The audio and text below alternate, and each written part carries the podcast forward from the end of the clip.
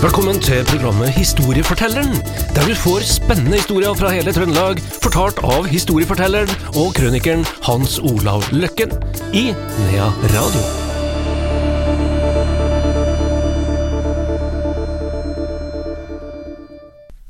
Historiefortelleren er tilbake igjen. Tilbake igjen er også vår historieforteller Hans Olav Løkken. Og eh, velkommen hit, Hans Olav. Ja, takk du. Du, nå skal vi Ja, vi skal, vi skal til Namsskogan, men aller først skal vi til Fosen. Vi skal til Fosen, langt inn på Fosen. Der eh, møter vi en mann for eh, en par hundre år siden, da, som kaltes eh, Finjo. Han var nok en same som drev med rein, og eh, Det var før vindmøllene kom. Det var nok før vindmøllene kom, ja. Er- Her ha, men, han, men han måtte slutte, han her òg, skulle jeg si. Okay. Ja, av en eller annen merkelig grunn, så han, han gifta seg, og jeg forstår det sånn at han fikk et eh, par unger òg som er navngitt, altså en Nikolai og en Espen. Han Nikolai han eh, drukna i et vann utenfor der de bodde, og Espen dro nordover. Det, så, så det må jo være dokumentert noe av det her jeg skal fortelle, da, i og med at navnene dukka opp. Eh, men han, eh, han eh, slutta med, med det her beitene og, og, og, og, reinen sin, og begynte med ganske mange andre ting, og leide seg sjøl bort til visse gårder etc., etc., og han begynte å bli en slags blanding mellom doktor og dyrlege. Han ble det vi på språket den gangen kalte for kvakksalver, da. Men ved siden av å være kvakksalver, da, han, han stansa jo blod, ikke sant, han stansa eh, tannpine, han gjorde alt det der som vi har lest om i alle slags tradisjonsfortellinger i mange år, så eh, ved siden av det så, eh, så eh, Ganan. Det her ordet å gane eh, har jeg ikke jeg kunnet så veldig mye om eh, før eh, i fjor. Da eh, drev jeg med noen amerikanske folk eh, da, eh, og laga noe slektstre for noen amerikanere. Og så viste det seg at det var jo min egen slekt. Og eh, dermed så fant vi noe felles slekt eh, oppe i Troms. Så når jeg var på oppdrag oppe i Troms i fjor i august, da, der, så, eh, så skulle jeg besøke denne familien. Og jeg hadde jo tatt kontakt og e-maila litt og sånn, og var liksom forventningene var at de skulle møte han og hun og mora der oppe, da. Og han eh, livnærer seg ved å være treskjærer. Jeg er så imponert og så utrolig å komme til sånne folk. Han på, han, han er gått på Dovre på noe som heter Gjerleiske skole. Det var en sånn skole for treskjærere. Så på 50- og 60-tallet, når jeg vokste opp og sånn, så var det det store i Nordalen den våren når det var utstilling av produktene blant de her treskjærerne. Du jeg kjenner jo disse treskjærerne fra, fra Telemark, fra Lom, Ottav, Vågårdsåk og der, som, som begynner 1. januar en dag og, med noen utskjæringer nede der, og så to-tre år etterpå så møtes de utskjæringene oppe på et framskap. Eh? Uten tegninger, uten noen ting. De har ikke noe utdannelse, men de har det. De har det i nevene og i egenskapene sine. Og han var en sånn en.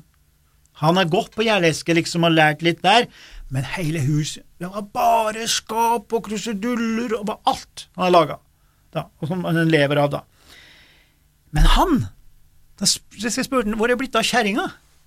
Liksom, jeg regner med at hun dukka opp. Nei, det var noen samer som har gana henne. Så hun, gana var Jeg har liksom hørt det ordet, men jeg var liksom ikke helt Men du tar kontroll, da, visstnok. Etter som jeg forstår, så betyr det å ta kontroll over et annet menneske, da, eller noe sånt. Og de gana jo hester heim i gamle dager. Altså, ropte dem inn igjen, på en måte. Så han tror på det her, altså. Han var- ble kjerringløs, han da. Han ble kjerringløs. Hun altså, hun er i hvert fall forsvunnet. Og han påstår at det var noen som er gana henne. Hun kom ikke igjen. Så vi får bare avslutte den delen, da. Men eh, jeg lærte jo litt, da. Der. Ja da, så han der i kvakksalveren der, han, eh, han hadde jo svartbok, da, som det het, vet du, som de hadde her i folkene. Og han var vel eh, også eh, litt inne på sånn Marcello Haugen-tendenser og alt mulig sånn som jeg vokste opp med, da. Så det var jo mange som søkte han for å få hjelp og sånn, og vi har jo hatt sånn i moderne tid òg, skulle du si, her i vårt eget fylke, I Snåsa. I Snåsa. Mhm. Det er noen mennesker som har noen egenskaper. Det skal vi kanskje ikke fleipe til. Det er noen som har noe mellom himmel og jord som ikke jeg og du har, Andreas. Det er jeg helt sikker på. Men eh, la nå det ligge, da. Eh, det, det er klart, han, han vokser jo opp i ei ti, tid, han her i fyren her, hvor eh, overtroa var jo stor, og fantasien var jo enda større. Og det er klart, når de kombineres, da blir det litt av noen historier. Og den historien her, den går jo bare enkelt ut på at han levde i tid hvor det var en del småkriger, 200-300 år siden.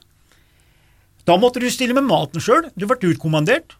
Som bondesoldat på mange måter, ikke sant, så du fikk ikke noe klær, du fikk ikke noe å ordne alt sjøl, du måtte til og med ordne våpen sjøl. Og han gjorde jo det, og han hadde med det mest kostbare og det mest effektive og det du hadde mest bruk for i en krig, bly.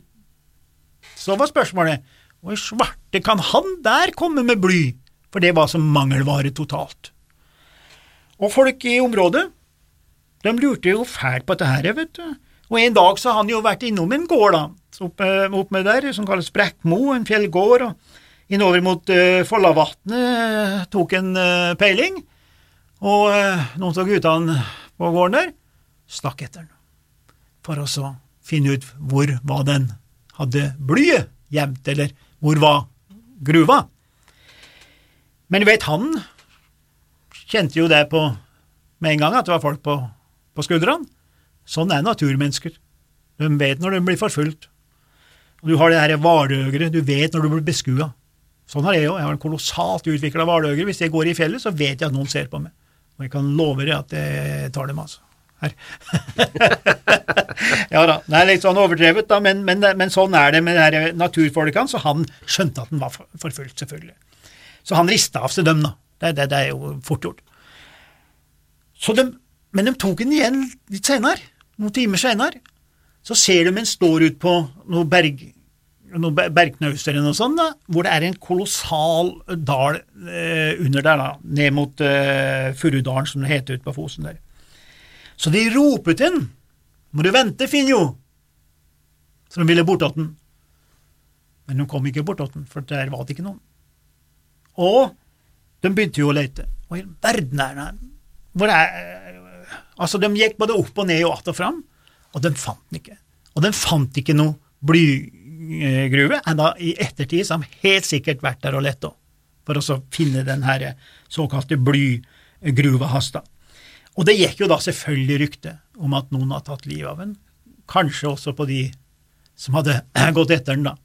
Det er jo sånn som ofte henger igjen, da. Noen mente kanskje at den var så gammel nå og har blitt svimmel og falt utfor stupet, men da skulle vi ha funnet noe. Så, eh, så der slutter i og for seg eh, denne historien da, og eh, kanskje en gang i tiden, kanskje en gang i tiden, så er det noen som finner den der inngangen, for innganger til sånne canyon og alt mulig, det kan være bare en bitte liten busk, det, som det kan sånn Indianerne gjemte jo hele stammene sine i sånne canyon med bare å skjule med en, en busk. Det var den eneste lille inngangen på to ganger to meter. Kanskje var det noe sånn. Så en dag flyttes den busken av naturen sjøl. Kanskje finner de inngangen, og kanskje finner de også noen bleke levninger der inne. Så, Andreas, skal vi ta Fra Finnjo. Finjo til Ellen Mathildes skjebne. Det er en eh, tragisk og litt vond historie, og kanskje litt til ettertanke. Og Da skal vi til en maidag i 1886, og vi skal til familien Anna og Bernhoff Eliassen i Namsskogan. Det året, den 14., som var en spesiell dag, for den dagen så kom det ei velskapt datter, jente, og så dagens lys i tømmerstua på gården.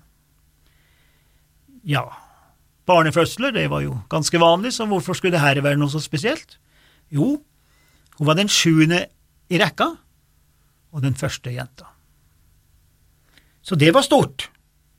Og ikke bare det, men i de nærmeste sju årene så kommer det tre barn til, og gjett, det var selvfølgelig gutter. Så der sitter med en ungeflokk på ti, ni gutter og ei jente. Gjett hvem som var midtpunktet i den familien. Så var det jo slik at de her ungene de måtte jo ta sin tørn. Ja, til og med hun lille Ellen måtte være med. Og en dag så ble hun vekt ganske tidlig for å gå med noen kyr ute i skogen, gjøre sin jobb. Da var jo selvfølgelig Bernhoff og de største guttene var jo for lengst ute i arbeid på gården. Så hun drar nå ut i skogen, ut i la vi si ei lykke, da, bare å slippe kyrne. Og han Bernhoff han var kjent for noen utrolige krefter. Han var ganske stor, kraftig fyr, som ikke var redd for et, å ta et uh, tak, da. Og de holder på der et stykke fra gården, og så plutselig så hører de et forferdelig bråk, romstering, og der ser de at sjølveste aversoksen, storbest av en aversokse, kjem da fyka nedover så skummet står rundt kjeften på han, og han hadde tatt seg ut, de to mannfolkene som står der da, altså Bernhoff og, og sønnen han Leopold. Han Bernhoff hadde ikke noe valg. Han måtte ta opp kampen mot oksen. Og han møtte oksen på en sånn måte at han fikk tak i hornene. Og han, med de enorme kreftene, klarer å vri hodet på den oksen som, som da skummet står ut av, og vri den og holdt på å gi opp. Men til slutt så velta oksen, og når en okse velter, så blir han spakere enn et lam. Så oksen rusla bare rolig inn i skogen igjen. Og han Bernhoff, han skulle da ta opp armen og tørke av noen svettperler på panna. Og så ser han Leopold på far sin, og så ser han at faren blir helt stiv i maska. Armen kommer ikke opp på panna, den kommer halvveis opp. Og Da oppdaga han Bernhoff, faren, at begge hendene var fulle av blod. Og da kommer det et skrik så høyt at det var det verste noen gang hørt, han fortalte Leopold. Faren ble som et slags urmenneske. Det er som en bygger seg opp, som en stor kjempe, ser på blodet, og så tar han beineste veien inn i skogholtet. Han visste hva han ville komme til å finne. Og der inne så finner han det som han dessverre hadde sett for seg når han så på blodet. Og hun mor skulle da oppleve det verste som kan skje, å få se lemlesta datter heim, båret i armene til mannen sin. Hun hadde altså blitt spidda og drept av oksen. Derfor så var det blod på hånda. Så den julidagen etterpå så eh, tar hun Anna, mora, og gravlegge den her spinkle jentekroppen, eller det som var igjen. La henne i kiste, og hun eh, lærte kun én ting den dagen, hun Anna, mor, at eh, der hun var totalt overraska. Har opplevd det mest brutale og var helt sønderknust. Da først skjønte hun at eh, ingen kjenner dagen før sola er gått ned. Det var altså vesle Ellen Mathildes tragiske skjebne oppe i Namsskogan. Det var historiefortelleren i dag. Takk skal du ha, Hans Olav Løkken.